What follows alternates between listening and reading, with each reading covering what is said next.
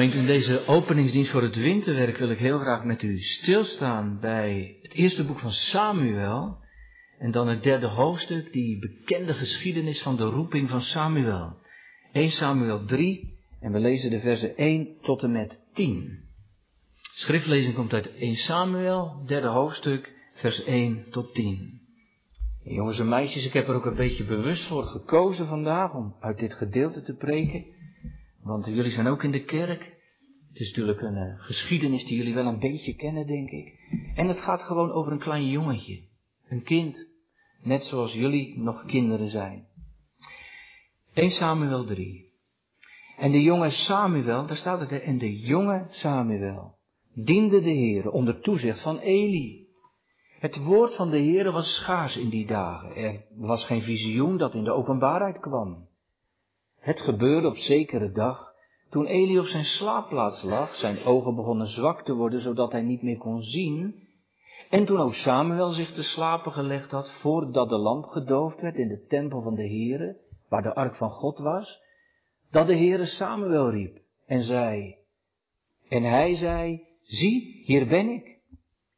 En hij snelde naar Eli en zei, zie, hier ben ik, want u hebt mij geroepen. Maar die zei, ik heb u niet geroepen, ga terug en ga weer liggen. En hij ging weg en ging weer liggen. Toen riep de Heere Samuel opnieuw. Samuel stond op, ging naar Eli en zei, zie, ben ik, want u hebt mij geroepen. Hij zei echter, ik heb niet geroepen, mijn zoon, ga terug en ga weer liggen. Nu kende Samuel de Heere nog niet. En het woord van de Heere was nog niet aan hem geopenbaard. Toen riep de Heere Samuel opnieuw, voor de derde keer. En hij stond op en ging naar Eli en zei, zie hier ben ik, want u hebt mij geroepen. Toen begreep Eli dat de Heere de jongen riep. Daarom zei Eli tegen Samuel, ga weer terug en ga liggen. En wanneer het gebeurt dat hij je roept, moet je zeggen, spreek Heere, want uw dienaar luistert. Toen ging Samuel weer terug en ging op zijn slaapplaats liggen. Toen kwam de Heere en bleef daar staan. En hij riep, zoals de andere keren, Samuel, Samuel. En Samuel zei, spreek, want uw dienaar luistert. Tot zover onze schriftlezing gemeente en ook de stof voor de verkondiging van deze morgen. Gemeente, soms hoor je het mensen zeggen, ook wel in de kerk, dat je tegenwoordig zo weinig meer van God hoort. En is dat zo? Hoort u nog vaak iets van God? Woorden die u raken, gebeurtenissen waarin je zijn stem hoort, wonderen die gebeuren, of gesprekken waar, waar Gods woord aan het woord is, en die zo ook binnenkomen? Een poosje geleden sprak ik een oudere vrouw en, en die zei tegen me, is het nou dominee of ik, omdat ik oud geworden ben, of, of is het zo dat je, dat je tegenwoordig veel minder van het werk van God hoort? En ik vroeg haar, was het dan vroeger anders? Het lijkt wel, zei ze. En ze begon te vertellen, honderd uit, van mensen die vroeger tot bekering waren gekomen binnen de kerk en dat iedereen in de gemeente daarover sprak.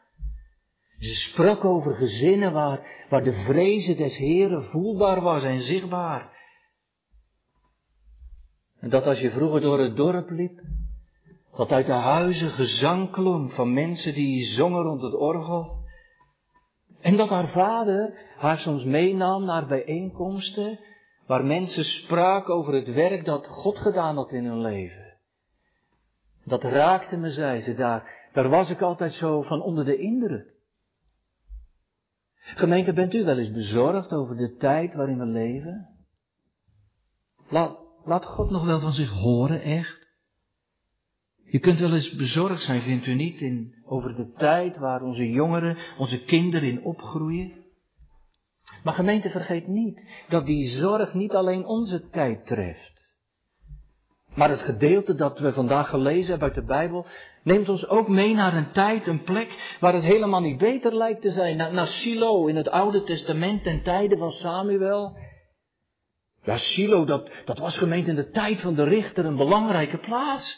Daar, daar stond het heiligdom. In Silo stond de ark van het verbond. Dat was de plek, Silo was de plek waar God zich liet ontmoeten. Waar Hij mensen ontmoette. En op die dag vinden we vandaag de jonge Samuel. En wie kent hem niet? Die zoon van Hanna, de vrouw van Okana, die, die geen kinderen kon krijgen. En de Heere in Silo op een dag smeekte om nageslacht. En, en, en priester Eli haar toen beloofde dat ze een kind zou krijgen. Het jaar daarna een kind zou hebben. En, en Hanna antwoordde toen meteen dat, dat als God dat zou doen en als ze een kind zou krijgen, dan zou ze meteen aan de Heere teruggeven. Dan zou hij God gaan dienen. En dat heeft ze gedaan. Mooi hè gemeente? Dat is mooi. Dat als je een kind krijgt, dat je beseft dat je dat kind van de Heere krijgt. En je belooft hem of haar aan God terug te geven. Zou u dat eigenlijk kunnen? En jij? weet u wat Hanna tegen Elkana zegt? Als ze kind gekregen heeft, dan zegt ze tegen haar man, als de jongen van de borst af is, Elkana, dan zal ik hem naar Silo brengen, zodat hij voor het aangezicht van de Heere verschijnt en daar voor eeuwig blijft, voor altijd. En Elkana, haar man, die, die puttert niet, die is daar helemaal mee eens. Die zegt tegen Hanna, doe wat goed is in uw ogen. Blijf hier, totdat hij van de borst af is, totdat hij gespeend is. Mogen de Heere zijn woord gestand doen. En zo gemeente komt de kleine Samuel, en hij zal hoogstens drie jaar geweest zijn. Want dat was ongeveer de leeftijd waarin je gespeend werd, waarin je weer van de borst af ging. Hoogstens drie jaar. Komt hij in het heiligdom terecht. Bij Eli, de oude Eli. En, en gaat hij daar het werk doen van een hulpje. In de dienst van God in de tempel. En gemeente, reken erop dat dat best een waagstuk was. Want het was bepaald geen florisante tijd. Het was niet een soort bloeitijd van de kerk waarin je kind nou ja graag daarachter liet. Vers 1 zegt, dat lazen we. Het woord van de Heer was schaars in die dagen. Er was geen visioen dat, dat in de openbaarheid kwam. Weet, weet u wat dat betekende? Weet u wat dat betekende? Dat betekende dat God niet meer van zich laat horen, nauwelijks meer. Hij sprak niet, niemand kreeg een visioen. Er waren nauwelijks nog profeten door wie God van zich liet horen en een boodschap gaf. En u moet er wel op rekenen dat ze dat in die tijd daar wel van moesten hebben, van profeten, stemmen, engelen, er was nog geen complete Bijbel zoals u en ik dat hebben, waarin je het woord van God kunt opdiepen en horen. Maar gemeente, het was stil. Heel stil. Van Gods kant. Een zwijgende God. En dat is erg hoor. Een zwijgende God. Stel je voor, jongens en meisjes, dat je vader en moeder een tijdje helemaal niks zeggen tegen jou. Tegen niemand niet. Ze zijn boos op jou of op elkaar, papa en mama. En ze zeggen niks. Het is stil aan tafel. Stil als je uit bed komt. Stil als je naar school gaat. Niemand zegt thuis iets. Nou, dat is heel erg hoor. Doen vaders en moeders wel eens, hè? Dan zeggen ze even niks. Dan zijn ze kwaad. Dat is niet fijn. Maar, maar stel je nou voor, jongens en meisjes, dat God niks meer zegt. Niks. Je hoort niks. Je merkt niks meer. Niemand vertelt jou meer iets van de Heere God. Dat is pas echt erg. Weet je waarom? Weet je waarom dat echt erg is? Hoe moet je dan weten wie God is? Hoe moet je dan geloven? Hoe weet je dan wie de Heere Jezus is en wat Hij doet? En waarom je gered moet worden. Als je niets meer hoort van God, jongens en meisjes, dat is echt erg. Onthoud dat eerst maar. Gemeente, zo was het in de dagen van Samuel. Een dorre, geesteloze tijd. En weet u waarom? Waarom dat zo was gekomen? Dat was van de weeromstuit. Er werd niet meer naar God geluisterd. Jawel, jawel, de mensen kwamen wel in de tempel. Zeker. En ze brachten wel een offer. En dat leek zelfs nog aardig te gaan. Maar intussen werden al Gods geboden met voeten getreden. De zonen van Eli, nota bene, de zonen van de priester voorop. Zelfs in de tempel. Zelfs in de tempel ging het mis. Wij zouden zeggen, in de kerk ging het mis. En deden ze alles wat God verboden had. Ze vergaten God en zijn wet. Zegt u het maar zo vanmorgen, het leefde niet. Dus ze deden het wel, maar het leefde niet. En toen, ja toen deed God er het zwijgen toe. Want, zegt Psalm 68, verlaters van zijn wet doet God in het dorre wonen. Dan wordt het woestijn. tegenwoordig zijn er heel wat mensen, ook binnen de kerk, die, die klagen dan dat ze zo weinig van God merken en, en horen en dat het ze niet doet, niets doet. Maar gemeente, wanneer hoort u, wanneer merkt u echt iets van, van Hem? Of is het ook een beetje dor als je eerlijk bent en een beetje doods geworden? En leeft het niet echt? Misschien ook niet bij u of bij jou? Maar mag ik dan iets vragen? Mogen we elkaar dan iets vragen? Zou het kunnen komen, gemeente, dat we, dat we vaak een leven leiden wat zo ver bij God vandaan is geraakt? Je maakt je eigen regels, je, je volgt je eigen hart, je eigen verlangens. God is er nog wel, Zeker, en u bent er vandaag ook. Maar, maar, de Heer is er hoogstens nog een beetje om te helpen. God voor het goede gevoel. is heel erg postmodern. De Heer om me nog een beetje te troosten. Als ik het moeilijk heb. Jongelui, als jullie zo om zouden gaan met jullie ouders. En de regels van het huis. Dus jongelui, dat je alleen nog met je ouders praat en naar ze luistert als je iets van ze nodig hebt. En verder niet naar ze luistert als ze je wat willen leren of je wat vragen. Dan, dan zou het toch niet goed gaan, jongelui. Dan, dan komt er thuis een sfeer van niks. Stilte, doodsheid toch? En daarom ging het in Silo niet goed. En zwijgt God. En terecht. Als ik God was, zou ik geen woord meer zeggen. Geen één woord meer tot de mensen spreken. En vaders en moeders, misschien, misschien herkent u daar wel iets van, toch? En de jongeren misschien ook wel dan. Je bent wel eens zo kwaad en zo teleurgesteld. Soms ook in je kind of zo. Dan zeg je, ik praat niet meer met je. Ik ben klaar met jou. Zoiets. Weet u dat, dat de Heer alle reden heeft om, om dat tegen u en tegen mij te zeggen? Dat God alle reden heeft om, om dat tegen de kerk van vandaag te zeggen? Dat, dat God alle reden heeft om er het zwijgen toe te doen? Ja, ook aan ons, aan het begin van het winterwerk, want gemeente, we zijn, we zijn toch geen haar beter? We zijn uit hetzelfde hout gesneden. Als het aan u, aan jou, aan mij moest liggen, hoorden we nooit meer iets. Nooit. Echt niet. Of wel? Vindt u dat, dat u alle reden heeft om van God te verwachten?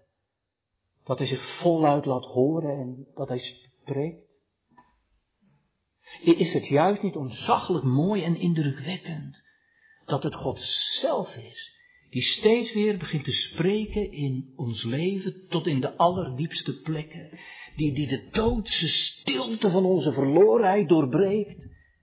En vergis u niet, er is er maar één die dat kan. Er is er maar één die, die dat zwijgen kan doorbreken. En dat is dan God zelf. Luister maar.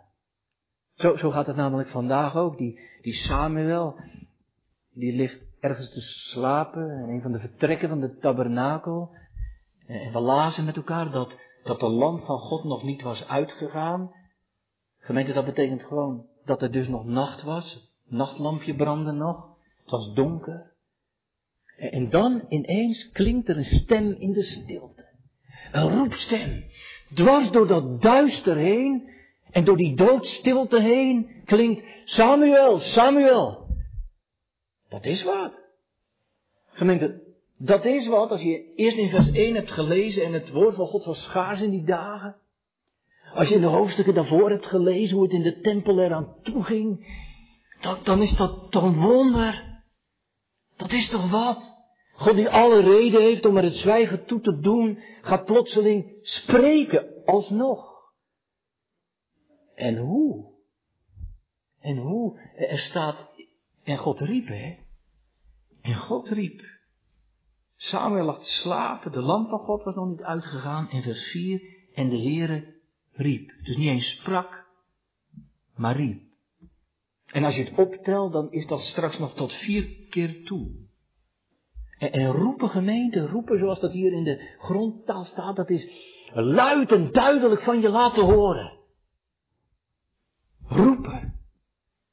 En zo is dat nog, gemeente, ook vandaag. Luid en duidelijk laat God zelf van zich horen. Juist op plekken waar het soms zo oorverdovend stil geworden is in je leven. Misschien wel als het oorverdovend stil is geworden in uw leven. En God soms zo op afstand leek geraakt. En je vanmorgen in de kerk zit en zegt, ja, eigenlijk, daar kan ik maar één de schuld van geven, dat ben ik zelf. En dan ben je hier of luister je mee en ineens klinkt dat evangelie weer. Juist daar, gemeente, waarin de kerk gepreekt wordt. Dan laat God zich horen, linea recta van boven. En roept hij in die doodstilte van ons zondaren bestaan. Nee, nee, nee, gemeente, niet, niet omdat wij daar per se op zitten te wachten. Altijd. En, en, en niet omdat wij keurig het pad van zijn geboden lopen. Niet omdat wij van die keurige mensen zijn die in de kerk komen. Maar gemeente, als God van zich laat horen, doet hij dat omdat, omdat hij dat wil. Omdat het in zijn hart komt. En daar, daar zit een heel diep geheim achter, wist u dat? Een heel diep geheim. Weet u welk geheim? Het geheim van Gods trouw en van zijn verbond, van zijn onwederstandelijke liefde. Waarin hij merken laat dat hij mensen als u en ik niet kwijt wil. Daarom. Dat is de reden. En daarom gaat het werk door. En daarom zijn we kerk. En daarom begint het winterwerk. En daarom mag het doorgaan. Hij roept. En hij die roept is getrouw, zegt de Bijbel. Echt. En daarom gemeente, klinkt vandaag als je onder het woord van God bent je naam. Wist u dat? Als er gepreekt wordt, klinkt je naam omdat God een God is die niet zwijgen kan. En hij zich wil laten horen wie hij is. Daarom roept hij. En daarom zond hij zijn zoon. Gemeente, ten diepste is Jezus Christus de roepstem van het liefdehart van God. Het vlees geworden woord waarin de Heer zijn stem laat horen. En in zijn zoon doorbreekt hij de stilte, de doodstilte. Voor mensen die uit zichzelf hem niet meer horen en niet meer roepen. En zegt Jezus, kom tot mij, allen die vermoeid en belast zijn, en ik zal u rust geven. En wie mij volgt, zegt Jezus, die zal in het duister, in die donkere doodheid, niet meer wandelen. Maar het licht van het leven hebben. Hoort u dat? En hoor jij dat? En verwondert het je ook? Dat je hier zit en denkt, ja, we gaan het straks zingen, hè? Ik roem in God, ik prijs het onfeilbare woord. Niet omdat ik zo fantastisch geloofd heb. Of omdat ik er toch zo serieus mee bezig was. Maar ik heb het zelf uit zijn mond gehoord. Hij heeft geroepen. En weet je wat ik zo mooi vind aan het woordje roepen? Ik zei u al, dat heeft iets van luid en duidelijk laten klinken en de stilte doorbreken. Maar dat woordje roepen betekent ook nog zoiets als ontbieden. Dat past hier ook wel een beetje. Samuel wordt geroepen, hij wordt ontboden. Je mag zelfs vertalen uitgenodigd. Hij wordt uitgenodigd. Dat is echt mooi. Dat kan mij ontroeren. Weggelopen mensen die soms de oren hebben dichtgestopt, worden ontboden door de Almachtige. Uitgenodigd van hogerhand. Als zei de Heere daarmee, kom je weer? Ja, je hebt het misschien wel tien keer afgeslagen, duizend keer. Maar kom je weer? Of, of kom je terug? Kom je bij mij? Jongens en meisjes, er was een keer een meisje. En die niet naar haar moeder wilde luisteren. Dat ging niet goed. Ze was niet gehoorzaam. Ze had altijd maar ruzie met haar moeder. En uh, ze liep weg. Op een dag. Ze wilde niet meer dat gezeur. En ze liep weg naar een grote stad. En ze kwam niet meer terug. En die moeder was daar verdrietig over. Maar die moeder, hè, die, die wilde haar kind terug. Dat is echt gebeurd. En weet je wat ze toen heeft gedaan? Weet je wat ze heeft gedaan? Ze heeft een poster laten maken. Met een grote foto erop van zichzelf. En daaronder stond, moeder wacht. En die poster, jongens en meisjes, die is ze op gaan hangen in de stad, overal, op allerlei, in bushokjes en op muren en op lantaarnpalen, ging ze overal die, die poster ophangen. En op een dag, jongens en meisjes, zag dat meisje die poster van haar moeder. En las ze daaronder, moeder wacht. Haar, haar moeder riep haar weer. En echt waar, toen is ze weer naar huis gegaan. Want daarvoor durfde ze niet meer naar huis. Ze is weer naar huis gegaan en bij haar moeder gekomen. En, en weet je, jongens en meisjes, God doet dat ook. Wist je dat? Jongens en meisjes, wij zijn ook, wij zijn bij de Heer weggelopen, omdat we steeds verkeerde dingen doen en zondig zijn. Maar steeds als je de Bijbel hoort en in de kerk bent en naar de zonderschool gaat, dan zegt de Heer, ik wacht op jou. Kom je weer thuis bij mij? Zo gemeente. Dat is dat roepen van God wat van de andere kant komt. Maar, maar waarom wil eigenlijk God nog roepen? Waarom zou hij dat doen? Waar, waar komt dat vandaan? Waar, welke bron heeft dat gemeente dan? Dan moet u op Golgotha zijn.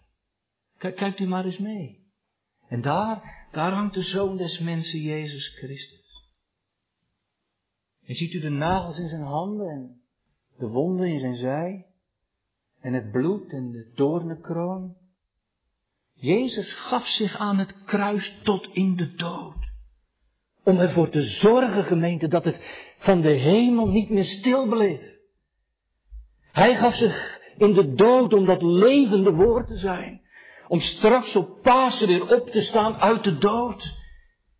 En te zeggen, ik ben dood geweest, maar ik leef. En daarom kunt u ook leven. Gemeente, alleen daardoor, door Christus kan God weer roepen. Op de meest onmogelijke plekken kan, kan Hij genadig zijn. Want, want er is betaald. En daarom is er hoop. Door Hem en omwille van Hem. Zelfs in dat stille silo waar het woord van God schaars was geworden gaat hij weer spreken omwille van Christus. Is mooi eigenlijk, als je dat hele gedeelte leest, is de tegenstelling zo mooi. In vers 1 staat, het woord was schaars in die dagen, en dan denk je, het wordt niks meer. En dan gaat God roepen, vier keer. Gemeente, het woord is schaars in onze dagen. We hoeven ons ook niet rijker te rekenen dan we zijn. En toch, en toch, hij roept. Met aandrang toch. Niet zomaar even terloops, maar met aandrang. God roept dubbel op, dat, dat lazen we. Als hij Samuel roept, dan zegt hij niet Samuel. Maar gemeente, als de Heer roept, dan, dan doet hij dat dubbel op. Samuel, Samuel. Het is in de Hebreeuwse taal altijd zo, als iets er twee keer staat, dan is dat onvoorstelbaar intens. Dan staat er een uitroepteken voor en na. Twee keer je naam. En reken erop gemeente als hij zo roept, dat hij het meent. Dat noemen wij dan een welmenend aanbod van genade. Zo. Maar of het aankomt, nee, niet bij Samuel. We laten dat, dat Samuel de stem van de Heer niet verstond. Niet meteen.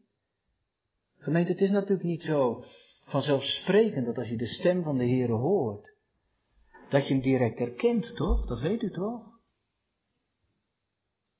Als de stem van de Heer bij u klinkt, of je hem hoort in een preek of in een lied. Herkent u dan meteen dat van Gods wegen de Heer u op het oog heeft? Ik niet. Moet ik het soms zes keer lezen of stil te zoeken? De Heer smeek of ik het horen mag. Samuel verstond de Heer niet meteen, niet direct. En, en tot, tot drie keer toe niet. Hè? Je hoeft ook niet te zeggen, nou ja, één keer. Nee, tot drie keer toe. Drie keer staat hij aan het bed van Eli om te vragen, heeft u me geroepen? Hij, hij begreep de stem van God niet. Hij hoorde het wel. Maar hij begreep hem niet. Maar dat herkennen sommigen van ons toch? Jonge lui gemeente, je kunt al honderd keer volwassen zijn. Je hoort het wel. Maar dat het persoonlijk is, dat komt niet echt binnen. En dat lijkt hier ook te zijn. Samuel begrijpt de stem van de Heer niet. En we, lezen hoe dat komt. Dan staat er zo heel indringend. Samuel kende de Heer nog niet. Het woord, de stem van God, was nog niet aan hem geopenbaard. En gemeente moet even goed luisteren. Dat betekent niet dat er niks was. Er was bij de kleine Samuel wel verlangen om God te dienen. Dat merk je aan alles wat hij doet en, en hoe hij straks antwoord geeft. Maar, dan is het misschien wel een hele interessante vraag vanmorgen om te zeggen, als hij de stem van de Heer niet verstond nog, maar er wel verlangen was om hem te dienen, hoe, hoe is dat dan gekomen? Waarom heeft, is hij dan niet afgehaakt, zoals velen in onze tijd afhaken? Ik denk, ik denk door het gebed van zijn moeder Hanna, denkt u niet? Die kleine jongen die had een biddende moeder. Hij is bijna biddend geboren. Toch? Begon al voordat hij geboren was. Eerst had zijn moeder Hanna gesmeekt om zijn komst en terwijl hij, terwijl ze zwanger raakte, had ze het al beloofd. Hè? Het zal een kind van u zijn. Hanna die, die wilde maar één ding. Dat, dat haar kind zou onderwezen zijn in de dingen van Gods koninkrijk. Zo is het begonnen. Een moeder die een kind krijgt met één doel. Ik hoop dat het van God zal zijn, voor altijd. En zo heeft ze hem ook in de tempel gebracht, op zijn drie jaar. Ze wilde niet anders dan dat haar kind zou onderwezen worden in de dingen van de eeuwigheid. En meteen, meteen, dat vind ik dan wel heel opmerkelijk in hoofdstuk 1, meteen als Samuel in de tempel aankomt, of in de tabernakel moet ik zeggen aankomt, staat er in hoofdstuk 1 dat hij zelf ook gaat bidden. Zo'n dreuteltje van drie. Heeft u er ook een van drie? Ventje gaat bidden op dag 1. Gevouwen handjes, gebogen knietjes. Op zijn kinderlust. Gemeente, laat het ook zomaar zijn in Sillazoek, vindt u niet? Dit, dit winterseizoen, dat er veel gebed is voor elkaar, voor onze jongeren en kinderen, vaders en moeders die bidden, ouderen die gebedswerk doen voor de gemeente. Gemeente, laten we, laten we onze jongeren en kinderen op handen dragen, maar, maar zo dan. Niet, niet van die vaders en moeders, die ken ik op school ook wel, die, die vinden alles goed van hun kinderen. En de docent doet het nooit goed en als de kind straf krijgt, is het onze schuld. Nou ja, zo moet je je kinderen niet dragen. Je moet ze zo dragen. Biddend. En, en steeds brengen op die plek waar ze het woord horen. School, waar dat ook is. In de kerk. Zondagschool. Als alles weer begint, de club, de kring, de catechese. De gemeente wees daar zelf ook te vinden. Daar begint het. Maar dat is niet alles. Dat is niet alles, want er is ook persoonlijk geloof nodig. Kijk, en dat was er bij Samuel nog niet. dus hij, hij zat vol met verlangen. Zijn moeder had hem zeg maar vol gebeden. Maar hij begreep zelf de stem van God nog niet. Dat kan. Is beschamend eigenlijk, hè, dat, dat Samuel dat niet meteen in de gaten had trouwens. Bij de derde keer gaat er bij Samuel, bij Eli pas een lichtje branden. E, e, Eli zegt dan pas, oh ja, Samuel, het is de Heer die je roept. En als je het weer hoort, dan moet je zeggen, spreek Heer, want uw dienstknecht hoort. tegelijk, tegelijk gemeente heeft Samuel, de jonge Samuel, die aansporing, die uitleg wel nodig. Iemand die hem leert dat God spreekt in zijn huis en hoe hij spreekt. En, hoe je dan moet antwoorden. Gemeente, God roept. God roept en ook komend seizoen gaat hij daarmee door in Silas hoek, omdat hij dat doet. Ouders, hij, roept onze kinderen. Net als bij Samuel. En hij doet dat heel persoonlijk, bij naam. Zal begonnen bij de doop. Ik heb je bij je naam geroepen. Jij bent de mijne. En daar gaat hij mee door, dat roepende werk. En bij Samuel tot, tot drie keer toe, hè. Weet u dat, dat getal drie, dat, dat, heeft in de Bijbel natuurlijk betekenis. Dat, dat is iets van volheid, dat betekent alsmaar, aanhoudend. Gemeente, in zijn verbond blijft God roepen. En weet u, weet u wat wij, weet u wat onze kinderen, wat onze jongeren nodig hebben? Iemand die hen de weg wijst. Die tegen ze zegt, ja maar dat is God die roept. De ouderen in de gemeente zijn zo belangrijk. U bent gerijpt in het leven. Dat u het eens aan de kinderen, aan de jongeren doorgeeft. Hoe God roept en hoe je dan moet antwoorden. Dat, dat, dat iemand het je vertelt. Dit is de God van de doop die je roept. Gemeente, hoe moeten ze het weten als niemand het ze uitlegt? Paulus zegt tegen de Romeinen, eh, hoe zullen zij horen als niemand het hem predikt? En prediken betekent gewoon bekendmaken. Zult u het doen in de gemeente? Ook tegen de kinderen en de jongeren, tegen ze zeggen, maar de Heere roept je. Ja, gemeente, God roept. En hij roept ons allen. Leg, je hand maar eens op je voorhoofd. Eh, daar is het begonnen, ooit en eens. Bij de doopvond. Ik ben uw God en u bent de mijne. En ik roep je bij je naam. En het gaat maar door in dat verbond. En ben je niet gedoopt, dan roept God je alsnog tot hem te komen. Al is het alleen maar omdat je het hoort vandaag. Vandaag mag ik zeggen, het is de stem van de Almachtige, die niet wil dat we verloren gaan. Gemeente, God wil u niet kwijt. En daarom roept hij Samuel. Hij wil Israël niet kwijt, zijn volk niet. En die, en die God is dezelfde God als vandaag en nu. Hij wil u niet kwijt. En we weten wat de Heer van ons wil. Dat, dat we het gaan voorzeggen aan onze kinderen, aan onze jongeren, aan de mensen die op ons pad komen. In de kerk, in het jeugdwerk, in de catechese, daarbuiten. Zo, zodat, zodat de jongste generatie in Sillarshoek gaat zeggen, omdat ze dat van ons hebben geleerd. Spreek, Heer. Want uw dienstknecht hoort.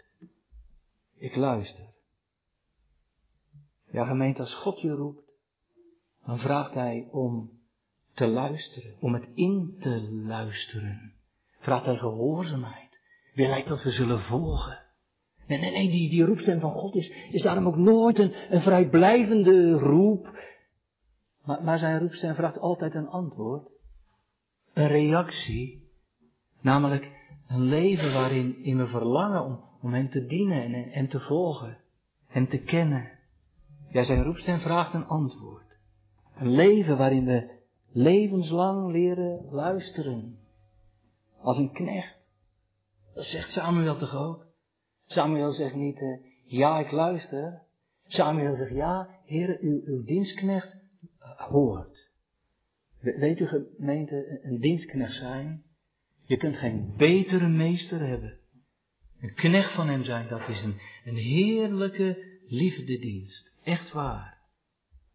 En hoe kan ik dat zijn, zo'n knecht van die meester? Nou ja, de Heer Jezus, hij was de dienstknecht bij uitstek, hè? En hij kwam om zijn vader te dienen.